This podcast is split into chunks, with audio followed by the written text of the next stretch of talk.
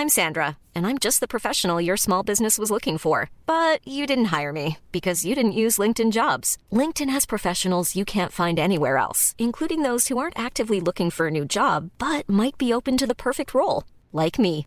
In a given month, over 70% of LinkedIn users don't visit other leading job sites. So if you're not looking on LinkedIn, you'll miss out on great candidates like Sandra. Start hiring professionals like a professional. Post your free job on linkedin.com/people today. When you're ready to pop the question, the last thing you want to do is second guess the ring. At Bluenile.com, you can design a one of a kind ring with the ease and convenience of shopping online. Choose your diamond and setting. When you find the one, you'll get it delivered right to your door. Go to Bluenile.com and use promo code LISTEN to get $50 off your purchase of $500 or more. That's code LISTEN at Bluenile.com for $50 off your purchase. Bluenile.com code LISTEN. Burrow's furniture is built for the way you live.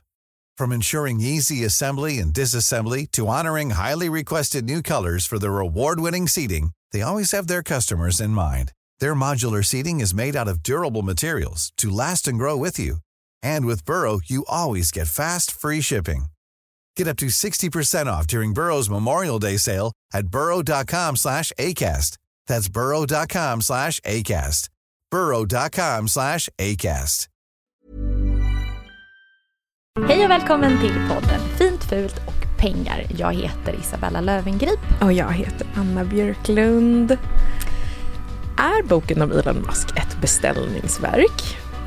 Vad är egentligen Elon Musks relation till Putin? Mm. Och varför tänker män på romarriket? Och är Barbie Botox något för adelskvinnor? Bella, det här är ju Fint, fult och pengar, podden som hittills inte är påverkad av den globala mediekrisen. Nej. Inga nedskärningar. Nej, Nej. utan vi bara ökar Inga istället. höga priser. Ja, precis. Vi, vi, vi, vi släpper nytt. Ja, exakt. Rekryterar. exakt. Glöm inte att lyssna på Fina linjen, vår brevlåda för samtalsfrågor som kommer varje helg. Oftast lördagar.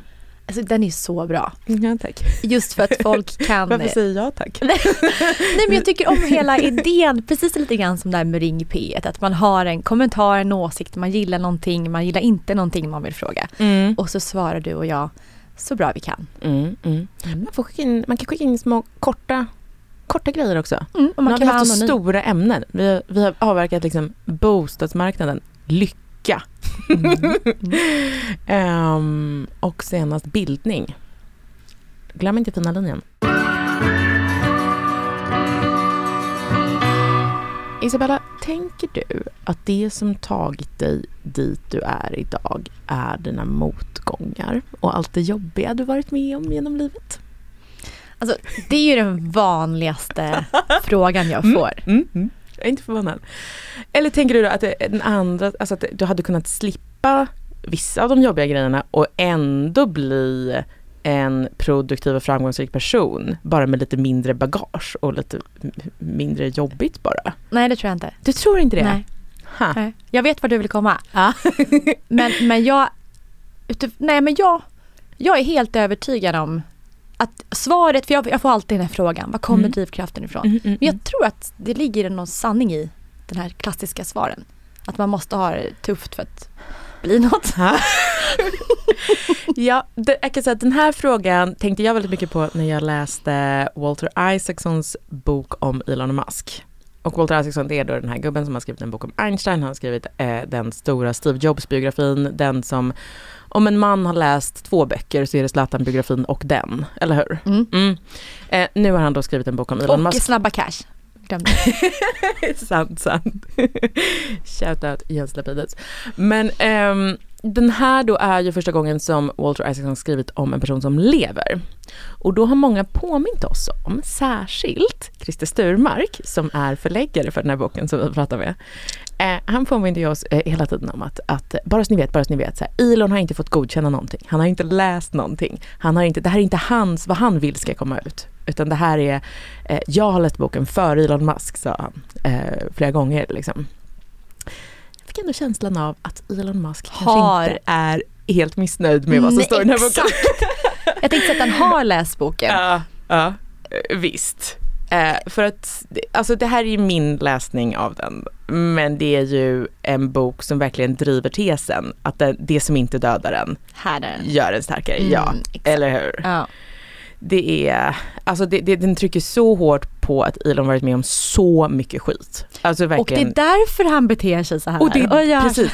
Och det är därför han också, det är därför han är så eh, liksom exceptionell. Det är därför han är så bra. ja. För att han har, han har utvecklat en hjärna som fungerar som en krigares. Alltså han är inte från vår tid, utan han är någon slags urtidsmänniska. En liksom Han har som, fått slåss där i han Sydafrika. är som en gammal gladiator. Exakt, exakt. ja, men det är därför han kan bete sig hur som helst. Ja. För att han har ju haft det så här jobbigt. Precis, och det var i själva verket en sån ledare vi behövde också. Eller hur? En någon som är så manlig kanske också. Och hänsynslöst iskall. Det står ju flera gånger i boken att han, att han har utvecklat en förmåga att stänga av empati. Ja, och varje gång, och varje gång som någonting påminner om hans jobbiga barndom så kan han stänga av ännu mer. Ja, ja, precis. Mm, Och då blir, han är bara en maskin Ja. liksom, som bara dygnet runt eh, liksom, ja. Jag undrar det här med att folk sa, eller folk, det var en person, han Christer som sa att, att den här boken inte är till Elon Musks favör. Mm. Det marknadsförs ju så att det här är det avklädande porträttet. Så här. Det är nu vi ska få Mm. veta hur, att han är kanske egentligen är en narcissistisk psykopat. Men, Exakt. men jag tror Elon inte har något emot att framstå som en psykopat så länge det är en, en intelligent psykopat och en, eh, en farlig psykopat, liksom farlig på rätt sätt. Mm. Eller hur? Ja men verkligen. Ja. Ehm, det var under några ställen i den här boken som jag ställde mig frågan, okej, det var jobbigt, det var jobbigt, det var jobbigt att vara Elon Musk, men var det så här jobbigt? Mm. Stämmer detta? Spännande. Mm. Eh, särskilt en scen. Eh, Elon Musk har då en, ehm, en väldigt våldsam, nyckfull, eh, skogstokig pappa. Som är en av dem som slår honom, härdar honom och så vidare. Och vid något tillfälle i, liksom när han är liten och bor hemma hos sin pappa så bygger de ett landställe. Ute på landet i, eh, liksom ute på savannen typ. Mm, får man en känsla. Sydafrika. I Sydafrika, precis. Och Elon, som då är en liten pojke, får vakta det här landstället, står det i boken, med ett litet gevär. Kaliber 22. Mm. Mot attackerande lejon. Mm, det minns jag. Det här är då alltså, kaliber, 20 det är alltså ett salongsgevär. Jag har ingen aning om vad det här är för Nej, någonting. precis. Och det här, det här tror jag är liksom en fel, för att jag tror många av männen som den här boken är tänkt att äh, appellera till, de vet vad kaliber 22 är. Alltså ett salongsgevär, det är, alltså jag har jägarexamen Mm. och jag har skjutit med ett salongsgevär en gång för det ingår i provet när man tar jägarexamen. Vet du hur det är att skjuta med ett salongsgevär? Nej. Jo, det låter, man trycker på avtryckaren och då säger det plink. Och sen är det inget mer. Det är ingen rekyl, det smäller inte. Det är liksom som att kasta pil i princip. Mhm. Alltså det, är, det räknas inte som ett jaktvapen. Det är alltså ett leksaksgevär i princip. Det står, eh, alltså om man, om man eh, på salongs... För jag var tvungen, jag bara, har jag rätt? För det var, det var ett tag sedan jag sköt med sånt. så jag bara, stämmer det här? Så jag liksom kollade. Och jo, det står liksom på Wikipedia-sidan för salongsgevär så står det så här att, att det är bra för att skjuta mullvad med. Det räknas som ett trädgårdsvapen tror jag de kallar det. Inte ett lejon. Inte ett attackerande lejon.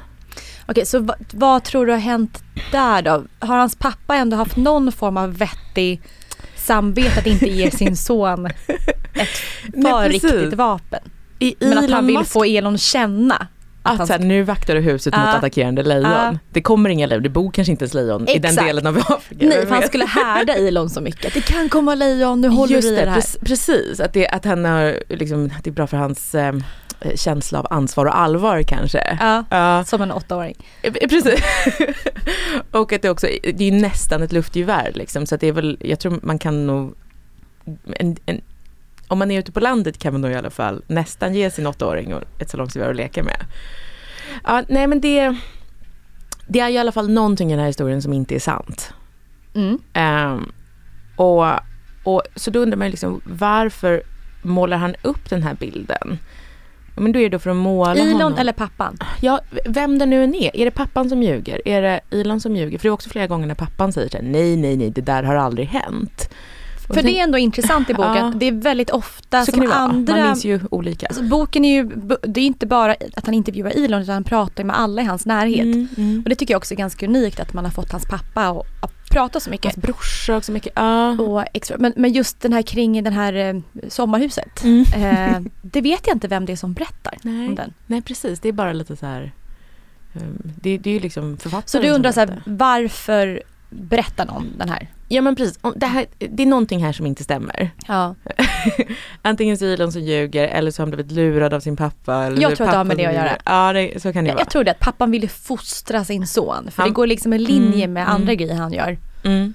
Ta det här vapnet nu och akta dig för lejonen. Ja, ja. Okej, okej, okej. Precis. En annan historia är ju när han har fått mycket stryk av någon i hans skola så att han, eh, det står att han behöver, eh, hans ansikte förvandlat till köttfärs och han behöver flera plastikoperationer för att återuppbygga sin näsa. Mm. Eh, och då att pappan ska ha tagit, ha, alltså förövarens, det, eh, han som slog honoms parti. Ja. Och det säger pappan att nej det har aldrig hänt. Ehm, så, ja, men vad, fick han honom att känna så? Minns han det på det sättet? För Nej men jag litar jag- på Elon helt. Alltså jag slukar allt han Okej. säger här. Ja. Här måste jag ändå bara begränsa Ja. mig. Mm. Nej men och, nej, jag kan inte relatera eh, riktigt. Absolut inte med min uppväxt. Men, men det är väl ganska klassiskt det här att man som barn upplever att ens föräldrar inte har stått upp för utan kanske snarare Mm. tagit andras Just partiet. just det. Men pappan Ja. har inte alls sett det så. Nej, Nej det, precis. Jag, jag satt också och äh, mindes de små ögonblicken i min uppväxt eh, mm, när jag läste. Men det, ehm, det jag ändå kände så här att, eh, att nog Elon Musk inte är så missnöjd med den här bilden av sig själv som en som då av sina hårda omständigheter utvecklas till en hänsynslös iskall krigare med jättestort huvud står också på flera ställen. Är liksom, um, är ju att det här är ju vad Elon-männen vill höra. De gillar ju den verklighetsbeskrivningen. Det här är ju kulturkriget, kände jag när jag läste. Att de vill höra att om man inte gillar yttrandefrihet till exempel, då är man bara en bortklemad liten snöflinga som inte tål den hårda, riktiga verkligheten. Liksom. Eh, och det är då ens kanske mesiga, överbeskyddande föräldrars fel. Det var där allting gick snett. Liksom. Kulturkriget eh, påminner lite om föräldrar som bråkar om typ barns uppfostran. Att det finns den ena sidan som säger att vadå, de måste lära sig. Mm. Ja, men ut och slåss med er, gör upp liksom. Eh, träna er eh, inför ett, ett liv där man inte får någonting gratis och blir attackerad hela tiden. Mm. Och så den andra, oftast mamman, som är så, eh, nej varför, varför skulle ni må bättre av att slåss med knutnävar? Mm. Ja, exakt. Kan vi inte bara ta det lite lugnt allihopa? Ehm, och ha det lite trevligt. Mm. Så kanske man blir en bättre person av det. Och det är ju den manliga och den kvinnliga sidan i eh, politiken, Ja, eller hur? men i det här om jag bara får zooma in till en annan scen som Mm. också är så klassisk, som jag också kan relatera till lite grann, inte alls på samma sätt återigen. Eh, det är att Elon väljer ju typ som 12-åring att flytta hem till sin pappa på heltid. Ja, precis. Och, eh, och då så säger mamman sen i en intervju nu nyligen då att Mm. jag förstår inte hur han kunde flytta till sin pappa när han var sådär hård och, och elak enligt Elon när jag själv hos oss så hade de ju en familj och hade det så bra. Ja, ja. Och, och det, eh, mina föräldrar var inte, eh, som sagt jag vill bara säga om de lyssnar, inte alls på den här nivån. Men, men det finns någonting i att, att som barn, att man väljer att lämna en mamma som man Mm. kanske anser vara lite svagare. Mm, mm. Trots att det är kärlek, kärlek, kärlek. Men Mm. att det finns någon form av svaghet, bräcklighet. Mm. Som gör att man hellre flyttar till den elaka pappan. Mm. Men som är stabil, alltså utåt sett. Just det. Alltså, ja, för man ska ju komma ihåg att barn är ju, eh, de är ju intresserade av trygghet. Men det är framförallt när de är små. Och sen så, eh, barn kan utveckla en ganska krass syn på, eh, alltså att de dras till status, de dras till styrka just. Exakt. Uppfattar han Ja. sin pappa som stark, Ja. ja. men då vill han Och lära mer sig det. stabil på något sätt. Ja, precis. Mammans trygghet, pappan, mammans trygghet är ju vad jag, vad jag tror är mer riktig trygghet men Ja, skör och bräcklig, att hon inte alltid orkar. Nej, hon satt typ och grät. Ja, exakt. Och, och pappan är stor och stark och trygg och vidrig. Ja. Ehm, och det, Och han slår kanske mig men han slår andra också och då är det en bättre person att ha på sin sida kanske. Ja. Ja. Och, och den typen Tänker av tankegångar hos ett barn är väldigt, väldigt vanlig. Ja. Att man väljer det här elaka på något sätt. Precis. Men vad tycker du om boken då? Alltså det är ju väldigt underhållande läsning. Jag är lite förvånad över att jag tycker inte att den är så, så kul skriven alltid. Alltså Den väldigt- hasplar igenom grejer ganska snabbt ibland. Um, vilket jag inte riktigt, det står så. Sen skrev han det här på Twitter, sen gjorde han det här. Sen, man får inte alls känslan av att det, det är ingen så här berättelse Nej, lite riktigt. på det sättet. Ja, Lite kanske. stressad, ja. Men det är, ju, det är ju kul och juicy och det är kul att läsa. så Lättsamt. Ja och det är kul att läsa så här, samtidshistoria tycker ju alltid jag. Alltså att det är så här, sen skrev han det här på Twitter 2017 och jag var så här, ja det kommer jag ihåg när han Mm. gjorde. Eh, men det är också um, någonting som, det är tillräckligt länge sedan för att man ska kunna säga, ja just det, och sen fick det konsekvenser. Och så är det, jag, jag tycker det var, det, det, det är nog en, en, en rekommendation kanske.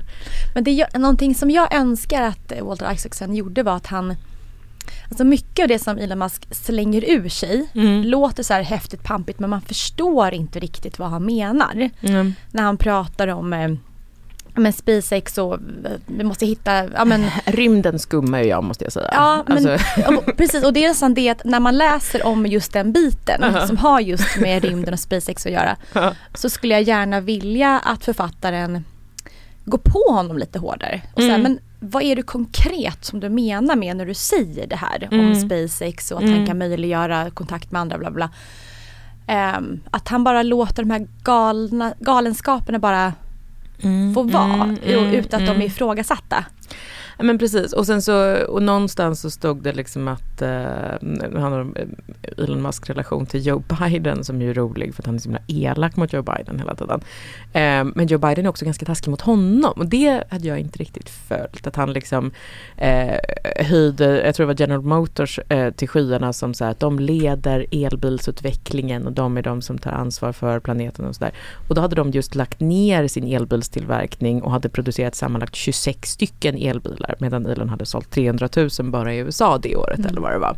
Eh, och, och, och det är lite så här, ja och då är det för att eh, General Motors har haft eh, starkare fackrörelse och att Joe Biden står närmare dem av den anledningen och då ljuger han i sina tal om det. Alltså det blir lite så här, eh, det, det var inte jättesmickrande för Joe Biden kan man säga, men då när det handlade om rymdprogrammet så stod det bara att då hade Joe Biden så här hånat det också så här, ja här kommer han månfararen ungefär. Alltså den här liksom eh, kokosbollen liksom, som, som tror att han ska resa till rymden. Mm. Ehm, men samtidigt så hade NASA just beställt någonting av SpaceX. Och, och då är det så här, jaha men bet, betyder det att det, allting är legitimt för att NASA ville ha det? Eh, Jag vet inte. Mm. Alltså det, det, jag, det men där är jag liksom världens största tjej. Alltså jag kunde inte vara mindre, mindre Intresserad. intresserad, av rymden. alltså det, förlåt, jag har inte hållit mitt löfte, jag har inte satt mig in i ufo-grejerna. Det är någon, jag har en spärr bara. Mm. Men någonting som jag tänker mest på när det gäller Elon, Mm. det är hur han är geopolitiskt klämd just nu. Jag berättar. Ja. Eh, jag kan bara jätte, jättekort bakgrund när det gäller Starlink. Mm. Och för, för Elon Musk, han har ju ett bolag som heter Starlink. Jag tror till och med att det ingår i SpaceX-bolaget. Mm, mm. Ehm, ja, strunt samma. I alla fall. Och Elon då har satt upp över 2000 satelliter Mm. i, runt om i världen i en väldigt låg omloppsbana. Mhm, mm. Och de här två, jag tror 2300 satelliterna gör då, eh, för Elon vill ju ha så bra bredband som det går. när man Ja. ska köra hans autonoma fordon.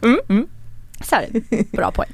Och, och då då, eh, när Ukraina-kriget bröt ut Mm. så minns vi liksom alla när Putin då försökte förstöra kommunikationen. Mm. Ehm, och då körde ju han dit liksom och slog på en av sina Starlink så att de kunde få nät. Just ja det kommer jag ihåg. Ja, precis. Mm, och då tyckte ja. alla att han var hjälte. Ja. Och jag skrev också vilken hjälte, att en person kan rädda ett land och det, så här, det, som alla ja. gjorde. Lätt, lätt skärmade. och, ehm, men för ett år sedan så ehm, bestämmer sig mitt under en operation med att Ukraina ska slå till eh, mot Ryssland. Mm. Så bestämmer sig Elon för att släcka ner den. Mm. han aktiverar inte så att, Elon, så att Ukraina Jaha. inte kan kommunicera med varandra. Det har jag missat. Jag minns när han satte på den. Mm. Minns.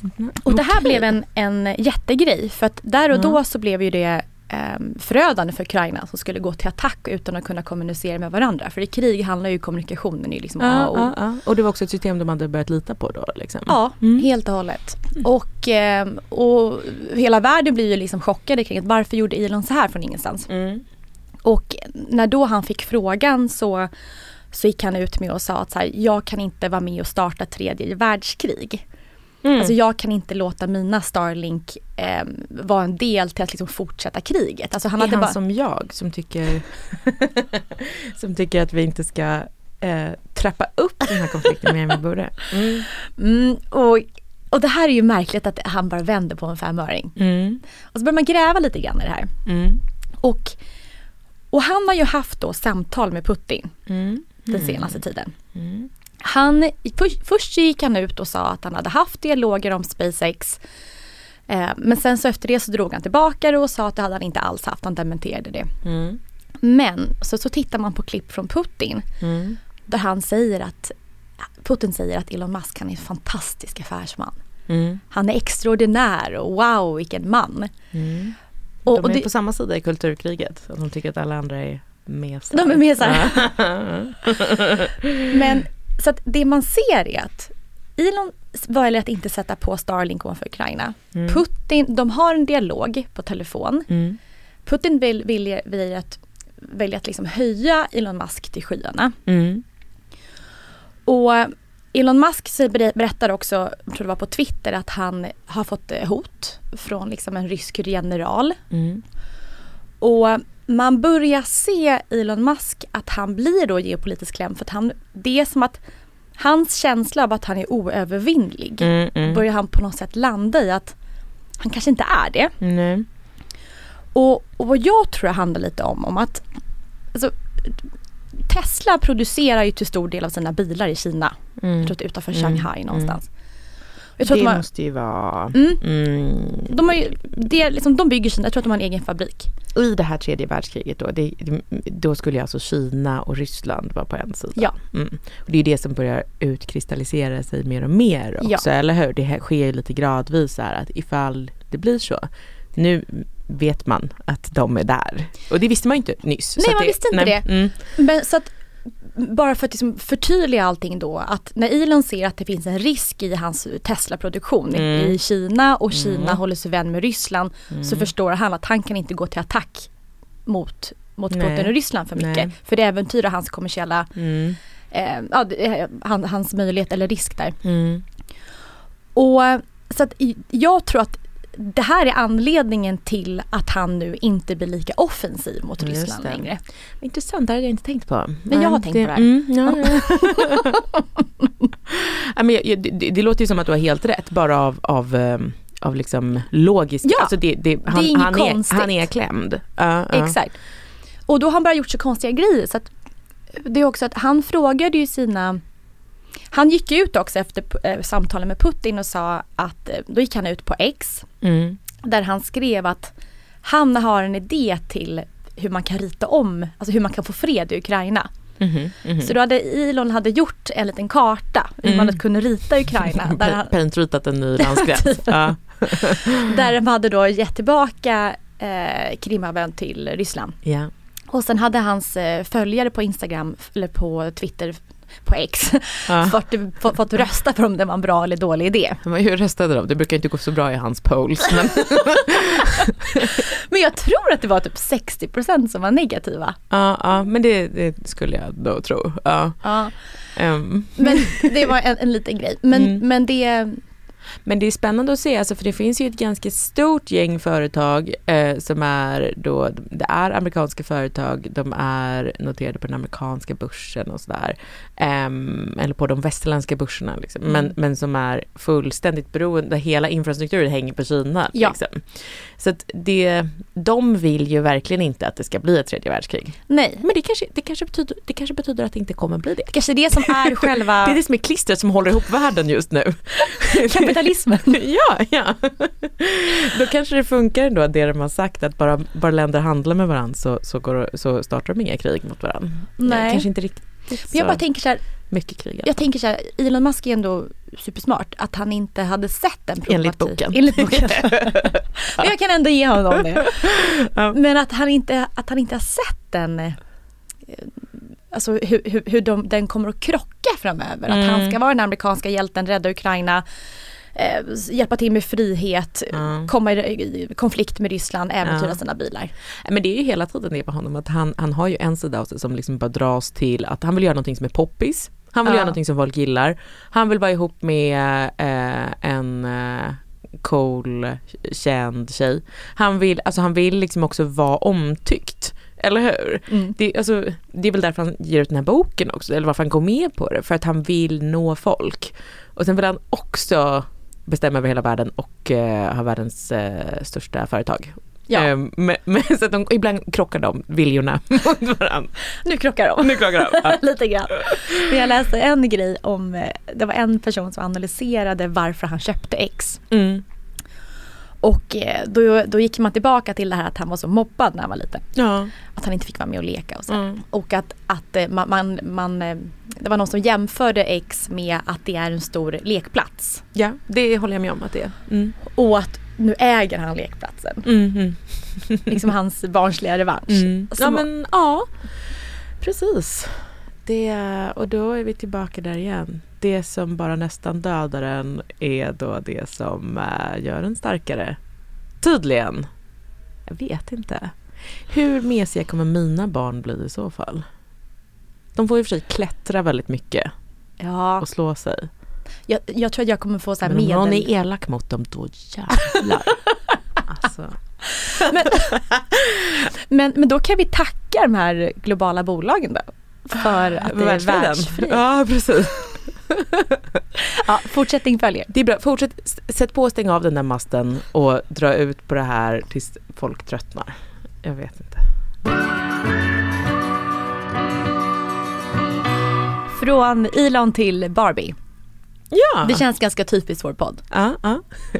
Båda har med pengar att göra, båda har med fulkultur och lite fin kultur typ med Elon också. mm. Barbie har landat. Barbie hade sina eh, tio dagar eller vad det var på bio. Eh, och nu eh, är den ute i, vad ska man säga, man kan väl fortfarande, det känns man, fort, man fortfarande inte kan slippa ifrån Barbies påverkan på liksom allting. Mm. Varje butik man går in i har fortfarande ett litet rosa hörn. Mm. Mm. Och det här har ju då spridit sig vidare, vidare till eh, skönhetstrender. Eller skönhetsideal snarare. Mm. Och, och jag trodde det här att, för, för Barbie har ju alltid, man har ju alltid kritiserat Barbie-dockan för ett ideal som inte är mänskligt. Att hon skulle vara, ja men vi har pratat om det tidigare, fyra meter lång och inte kunna ha upp sitt huvud ordentligt. Precis, och inte ha en plats för en lever. Ja men exakt. Men sen känns det som att, sen känns det som att filmen kom, jag har inte sett den men jag förstår att det finns en bra andemening i att man är fin som man är och sådär. Mm. Så jag trodde att själva Ungefär. ja, men något sånt. Något. det var väl det som var tanken i alla fall. De tog in en sån liksom, feministisk regissör född på 80-talet och bara så här, lös det här åt oss. Och så Ja. fick hon göra Och hon sitt bästa. det typ. Hon verkar ha löst det Hon typ. löst det. Så jag trodde på något sätt att dialogen om skönhetsideal som har med Barbie att göra var stängd. Det är liksom så här, den är inte intressant. Vi vet att hon såg ut så här. Och... Precis. Ja.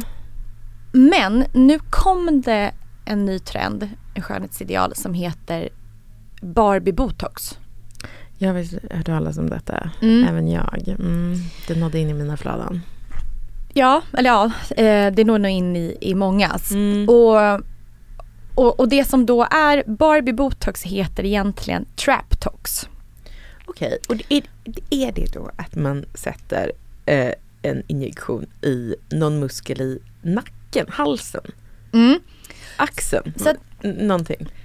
Om man sätter, precis, för du sätter injektionerna långt ner i nacken och liksom Mm. på, ovanför, alltså när man gör massage så Mm. klämmer du ju till Den som man kan, eh, liksom som om man är, om man är dörrvakt och går mycket på gym. Den har gor- gorillamuskeln. Ja, liksom. gorillamuskeln. Ja. Den sitter liksom mellan nyckelbenen och halsen. Mm, så, och tränar man mycket så kan man få ja, men en ganska sån markerad Ja. på något sätt. Eh, Precis. Jag har aldrig sett att en kvinna haft en för stor sån nej, muskel. nej, men om man är kanske simmare. Även Ja, men- kvinnliga simmare kan ha en väldigt sån, ja men det är ju den som gör att man ser lite grov ut helt enkelt. Ja, Ja, ja. ja.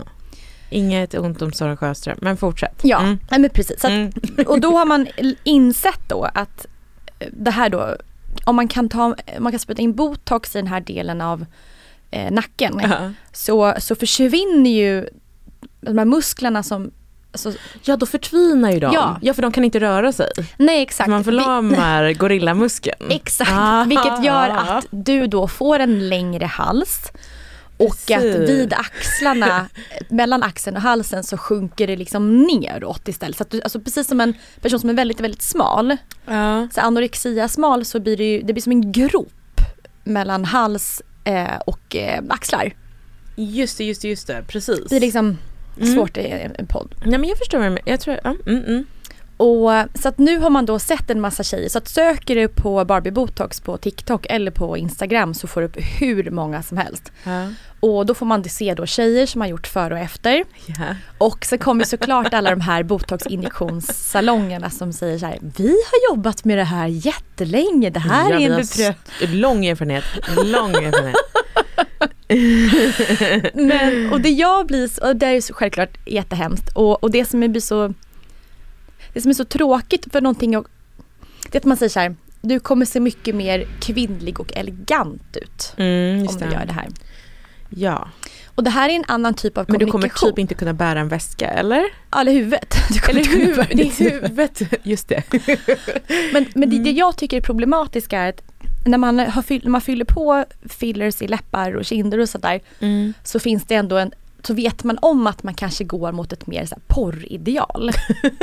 Ja, Det ligger ändå så här grunden till ja, så här fylliga menar. Läppar. Och, menar. Ja. så här, vi vet om att, Mm. men när man pratar om Barbie botox för att se mer feminin och elegant ut. Just Då det. attraherar man ju en helt annan målgrupp. Mm. Precis, det är lite den här, um, alltså, vad heter den, sån, den här incel-memen med liksom så här, vad som är liksom wife material. Alltså att när de skriver sådana listor på att så här, man ska gilla barn, inte ha tatueringar, eh, ha långt naturligt hår, eller vad, vad incels tror är ett naturligt hår. och, eh, eh, och där ligger kanske också ha en slank nacke med. Ja, Eh, exakt, den hade kunnat hamna ja, på den listan. Mycket närmare där än liksom en, en em, em, em, vad ska man säga då, porrspektrat. Eh, Ja. ja jag, jag förstår vad du menar. Ja, men menar. exakt. Ja, För, att- precis, för jag tror att i slutändan, om man verkligen ska generalisera, jag tror att i slutändan så vill hellre män ha några med naturliga läppar än superläpparna, om man, vad jag gissar. ja. Idag är det Ehm. svårt, att säga vad som är vad. ja precis. Men om man ändå, för, om man verkligen ska så dra till ytterligheterna så jag tror jag att man land, en, en man landar alltid i att hellre så naturligt som det går. Alltså jag hamnade faktiskt i en diskussion, eh, så här, intressant diskussion på Twitter om det här. Eh, där jag just ställde frågan till en kompis till mig. Eh, så här, vad, för jag har tänkt det att visst gillar män män eh, gillar ju inte det som ser förställt ut, Nej. har jag tänkt. Nej. Att män gillar eh, tjejer i vita t-shirts som är väldigt vackra, men de ser liksom friska och breezy ut. Ja. Inte, inte, de gillar inte ett mörkt matt läppstift heller, Nej. utan de gillar när man, om man bara är söt och glad och just Girl naturlig. Ja, Ja. precis. Eh, och då fick jag mothugg som bara så här, va? Det är klart man älskar en piffig tjej. Ehm, så att jag tror att det finns ju, och, och var piffig liksom, vad det är på skalan, ja men då är det liksom såhär, nej men jag har inte emot någon, ja men kanske Men det här har, har med gifta och sex att göra. Ja, de olika ja, sakerna. Ja, ex- exakt, precis. För, du, för när man tittar, Det är så här hora madonna uppdelningen av skönhetsingrepp vi pratar om.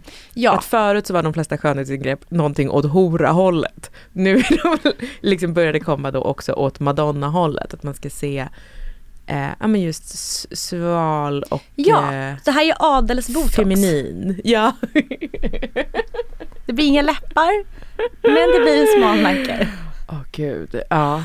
Och det är lite det jag vill komma till att för att när man, eh, när man kan injicera botox och allting så får en att se ännu mer rik, sval och naturlig Mm, ut. mm, mm, Den här fräscha tjejen. mm. Då har då, den problematiken tror jag är, är, blir så större, blir så, mycket Jag tror att för, för, för till och med där skulle, nu ska inte jag göra det, men jag skulle kunna vara en sån målgrupp. Ja, ja, Att till exempel så här, jag ska gå på massa vackra galor, jag ska gifta, gifta mig. ja. Jag vill absolut inte ha läpparna. Men en vacker slank nacke till exempel.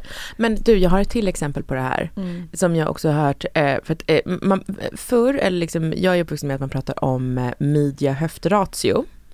Ehm, och sen så kanske man då, det finns någon som säger att Marilyn Monroe har ett perfekt sånt. Jag vet inte om det riktigt stämmer. Men det finns ju också forskning på vilket, vilket midja-höftratio som män uppskattar. Alltså, och sådär.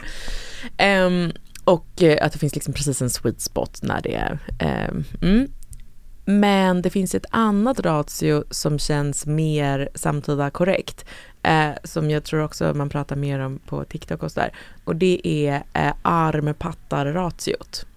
Mm. Att, Eh. aha, att brösten inte var för långt ner. Nej, utan att om du har väldigt smala slanka armar så, så eh, alltså att eh, i förhållande till hur stora pattar du har. Alltså att, förstår du? Att det är liksom ett femininitetsratio Mm. som är liksom mer då på Madonna-spektrat skulle jag säga. Medan, medan eh, midje-röv-ratiot är på hor.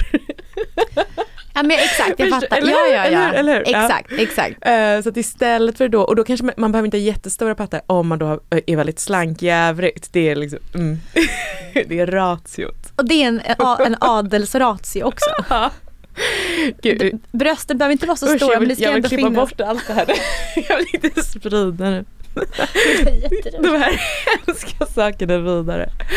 Ah, gud. Ah, nej, men, Nej men det är ändå, ändå verkligen, jag tror att vi måste ändå belysa hur man mäter och ser vad som försiggår i våra huvuden. Eller blir det en skola? Att eh, så gå nu och eh, eh, förlama era nackar och eh, eh, fettsug eh, nyckelben och överarmar eller vad man gör. Mm. Men det är så ändå intressant för att, för att jag tror att i slutändan så leder allt vårt skönhetsideal till att vi ska se så himla hjälplösa ut vi kvinnor hela tiden. Ja, lite ja. Mm. Och det här att man ska vara lite tunn och nätt och skör och man behöver hjälp och, ehm, och Mm. jag tror att idag så, alltså, idag, alltså, kvinnors karriär är ju, är ju jämställd med männens karriär idag så Mm. det känns som att även om det kommer fortsätta och alltid vara så gott som jämställd eller förhoppningsvis jämställd så kommer kvinnor alltid behöva se liten och feminin ut ändå. Jag tror att det skönhetsideal Det, är det, försvinner inte. det är det vi går emot, alltså någon som är så här ehm, har en jättefin examen och ett toppjobb och så. Bra ratio Men- mellan arm och bröst. Precis, men som, som så på fritiden ändå för att liksom få, få den delen av sitt liv att funka så måste hon ändå gå och, och, och förlama nacken. Ja, men du har inte Kim Kardashian tagit bort ett revben? Ehm, det, det, det skulle inte förvåna mig om det gick sådana rykten. Nej. Eh, men det skulle kanske inte förvåna mig om hon gjort det heller. Nej men återigen, för då kommer ju hon i det här liksom Wow, nu kom ett kurvigt ideal, gud vad bra, Mm. äntligen så går hon Mm, mot mm, strömmen. mm. Men så ryker ett revben för att få till. Just det. Eh, Ja. Och röven röker ju också. Så Ja. Att, ja. så att återigen, blir land väldigt väldigt framgångsrik så måste hon bli mer kvinnlig och nätt.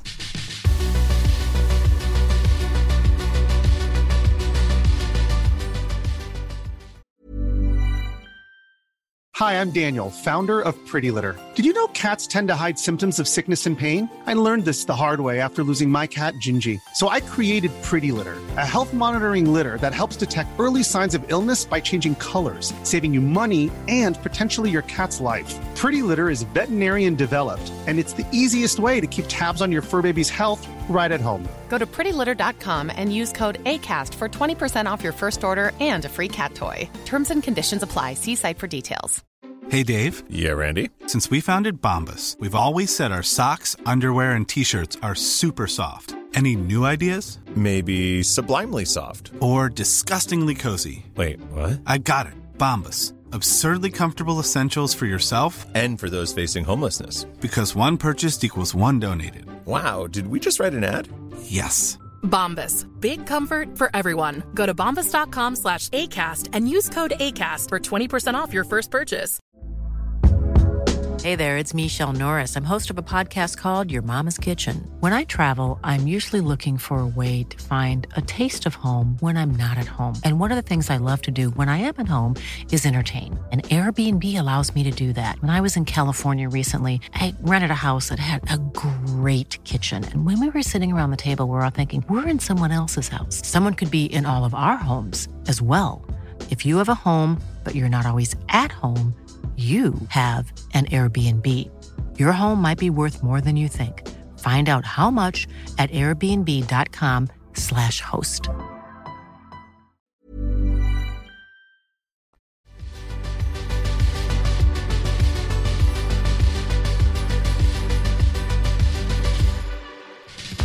Jag träffade en jag känner för ett tag sedan. Nu ska jag anonymisera mycket här.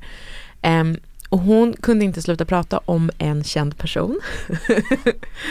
eh, en svensk person i hennes ålder, alltså ganska ung. En framgångsrik person som hon inte känner, Mm. inte följer. Men som hon är väldigt arg på. Mhm. Mm. Hon var arg på att den personen drev ett företag som hon inte gillade. Ett helt harmlöst företag tyckte jag det lät som.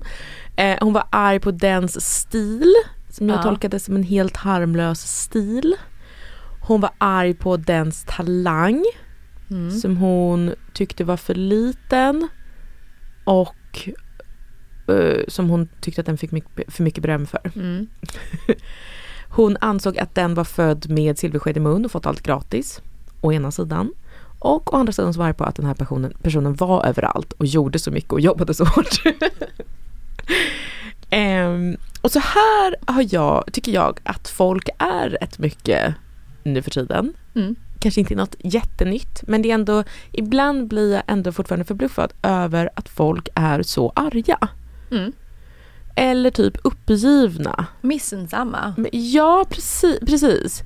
Ehm, och jag skulle nog kanske förr sagt att det här var ganska mycket en tjejgrej. Att avundsjuka är ett kvinnligt drag som Jay-Z sa. Men nu tror jag, alltså det här, jag vet inte om det har spridit sig till killar eller om det alltid varit där men att jag inte sett för att jag inte pratar med män så mycket. eller om det är så att nu liksom när, när det kom något även dem så får det liksom extra fart där på något sätt. För att det är någonting med unga män som inte är så bra just nu. Mm. De har det ju inte så lätt. De har det inte så Nej. lätt. Och det är någon typ av avundsjuka. Men vi var inne på de här listorna om vad de vill kräva av kvinnor. Inte alla unga män. Men de har en inställning till livet och vad som är så här ett bra liv. Där de har väldigt liksom höga krav är kanske Mm. det jag letar efter. Mm. De Ja. förväntar sig liksom att de ska bli mega, mega, mega rika. Till Ja. exempel. För om man tittar på det här med lönstatistiken och sådär, då är det fortfarande män som leder och kvinnor jobbar gratis sista timmen. Mm. Men om man tittar på yngre män, Mm. så kanske 25 och neråt, Mm. där ser man tror jag att män känner sig mer misslyckade än Ja. vad kvinnor gör. Precis. Och, eh, exakt. Och, och, och kanske framför allt den här, om det finns en, eh, en grej som då kvinnor varit utsatta för i sociala medier länge, liksom att, att det, man, det man ser och det man konsumerar är just människor som har mycket framgång och att man liksom inte eh, får se, eh, man ser bara toppen av isberget liksom. Man ser inte alla som misslyckas, man ser inte alla motgångar, man ser inte alla, ja. Så verkar män få det här i någon slags kubik. För jag upplever det som att unga människor liksom inte är tacksamma om de kan försörja sig eller glada om de har ett jobb. Utan de vill ofta bli rika, rika. Alltså på riktigt. Att, Mm. att man liksom Startup-rika. Startup-rika, Mm. precis. Det som nästan ingen är nu längre. Liksom. Ehm, för att, att eh, man ska liksom skaffa sig en plan för hur man ska sluta jobba redan innan man börjat jobba. Typ. Mm. För att annars är man liksom nästan en loser. Eller hur? Att man liksom, och den, att, att vara just en loser eller vara liksom i, i, i botten, det är ju en känsla som jag tror män är extra känsliga för. Mm. Eftersom män gillar Och det, är också för, och det är också för att det Förlåt. förväntas mer av en man. Ja men precis, exakt. Att eh, deras eh, mammor kanske sagt till dem så här att ja ni måste stå tillbaka för kvinnorna. Och så, så, st- när de, så gör de det. Och så, Men där, precis, för det är ju lite, eller, om man är på en fest eller mingel och sådär och sen så står några tjejer så frågar man vad alla gör. Om tjejerna har pluggar, har ett extrajobb någonstans, då är det Mm. så här, ja ja, vad kul. mm, Men står det en man som är 30 år och Mm. pluggar, har ett extrajobb ja, någonstans. precis. Jag jobbar på, jag, jag, jag serverar kaffe. Ja, och är läser någon kurs. Ja. Det, det är inte okej Nej, på det, samma precis, sätt. det är som att det inte, nej. Han är ju en loser och han vet om det. Ja, Som tjej hade det inte varit någon stor grej om man hade gjort det. nej. Just återigen för att förväntan är inte lika stor, vilket också är problematiskt. ja. Och, och så såg jag sen statistik som är att en av fyra svenskar tycker att deras liv är meningslösa. Både kvinnor och män. Ja, och det är en fyrdubbling då på 20 år. Och såklart då så är det så att det är allra värst för de unga männen. Alltså de tycker att det är liksom, varför ska man ens, varför, varför ska man ens servera kaffe? Eller varför ska Mm. man ens dela ut post? För att det är ju inte, jag är ju inte Daniel Ek. Så då kan jag lika gärna ge upp. Och förstår vad jag menar? Ja, ja, det är Mm. jätte, jätte eh, och jag tror att det kommer bli värre. Det, precis, jag fick också en så här dålig känsla av det. Man, kan ju, alltså man skulle kunna säga att den här statistiken kommer från mycket, alltså de kanske har spelat mycket och inte har några kompisar. Eller, eller att föreningslivet har dött och de inte gör saker i grupp med andra, sånt som kan Mm. göra att man känner mening och sådär. Men jag tror också att det finns en generation killar som har då den här inställningen till just pengar. Till genomslag, till siffror, till body count, liksom Mm. till Mm. De här listorna som de skaffar i sina pojkrum över, med förhoppningar som de tror ska vara liksom, ja, men som, som, som världen ska uppfylla åt dem. De ska ha en sån tjej utan tatueringar med Mm. bra arm eh, boob ratio. Det är lite konstigt ändå för att för, förr i tiden då var ju så Gordon Gecko och den här Wall Street ko- kostymnissen. Mhm, mm. Det, var, det blev ett stort ideal. För Ja. att man också ska, det var väl den här yuppie-tiden. Ja, ja, ja, absolut. Man ska se viktig ut. Mm. Eh, idag har vi inte samma alltså stereotyp på samma sätt. Nej. Alltså många av de här techmiljardärerna, och de, de är ju mycket mer olika. Alltså Ja. där, det är mycket mer nördar, det är, Ja. det är, alltså, du behöver inte komma i backslick för att bli framgångsrik Nej, längre. precis det är sant. Ja. Men först tänkte jag så här, då, måste det vara lättare att acceptera att man är olika. Mm. Men det kanske snarare blir tvärtom. Att när alla kan lyckas Ja. oavsett om det är ett garage eller hur man ser ut. Ja, ja. Och man själv som kille inte gör det. Man halkar efter. Just det. Och precis. Det kanske ser det... lättare ut att lyckas idag. Och därför Precis. blir det jobbigare. Exakt, för att det, det som ehm, man, man lär sig, eller det känns som att det är stort i, i liksom den här eh, manskulturen på internet, det är just att här, träna sig eh, träna sin hjärna till olika saker. Att om man bara lär sig att tänka på rätt sätt, har skaffat fram, en framgångsrik hjärna, så, liksom, så kommer allting komma till en på Mm. något vis. Så det, det är ju... Pärleros, Tony Robbins. Ja, ja men pre- precis. Ehm, Han som kan gå, han som hoppar ner i isvak. Ja, ja, eh, eh, exakt, exakt. Ehm, om man bara tar i, då kan man liksom inte bara kontrollera sin hjärtrytm, utan man kan också kontrollera typ sitt, få saker att hända på ens bankkonto, magiskt nästan. Liksom. Och, och sen så, eh, och det är ju inte så det fungerar. Alltså det är ju så att eh, en majoritet kommer ju att misslyckas med det. Alltså, och då tycker de att allting saknar, livet saknar poäng typ. Jag vet inte. Har du någon plan? Nej, alltså jag tror, det, alltså jag tror så att det här är väl varför så många svenska män är så positiva till krig just nu. tror du inte det? Ja, men du vet att det finns, när, det finns ju liksom undersökningar på vilka, hur, hur, hur omvärlden, hur liksom de andra europeiska länderna och så eh, ställer sig till, så här, vad skulle vi göra om Kina invaderade?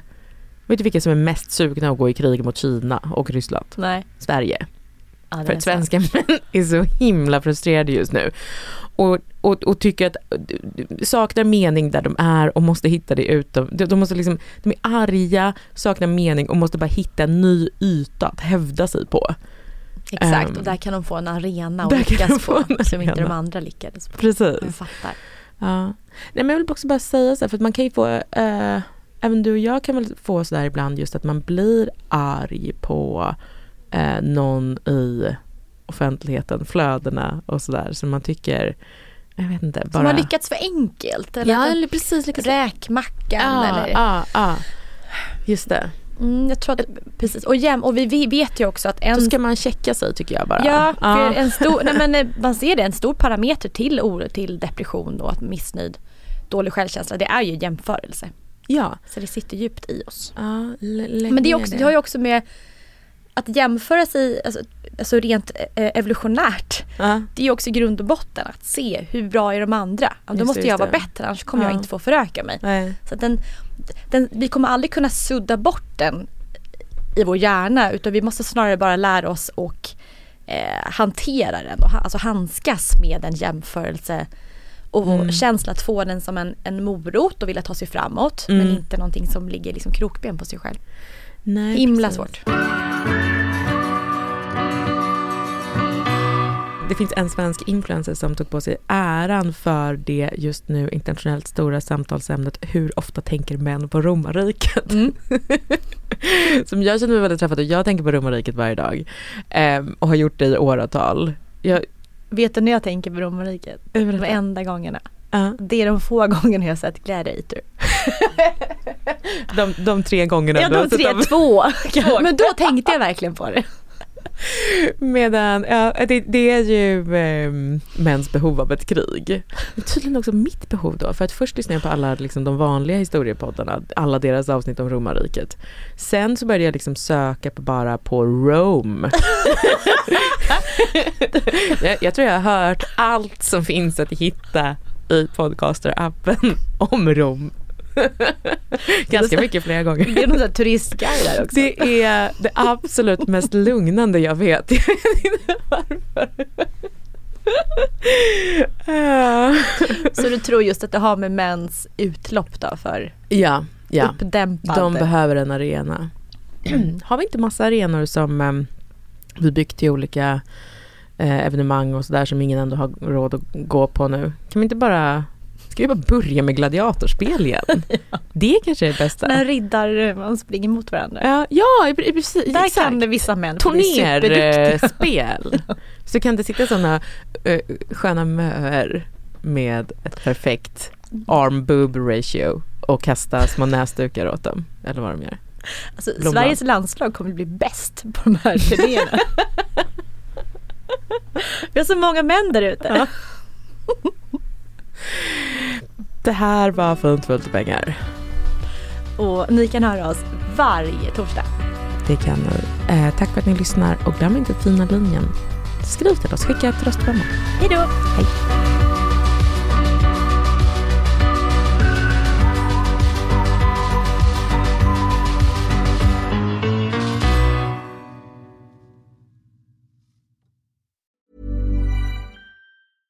Imagine the softest sheets you've ever felt. Now imagine them getting even softer over time. That's what you'll feel with Bowl and Branch's organic cotton sheets. In a recent customer survey, 96% replied that Bowl and Branch sheets get softer with every wash. Start getting your best night's sleep in these sheets that get softer and softer for years to come. Try their sheets with a 30-night guarantee. Plus, get 15% off your first order at bowlandbranch.com. Code BUTTERY. Exclusions apply. See site for details.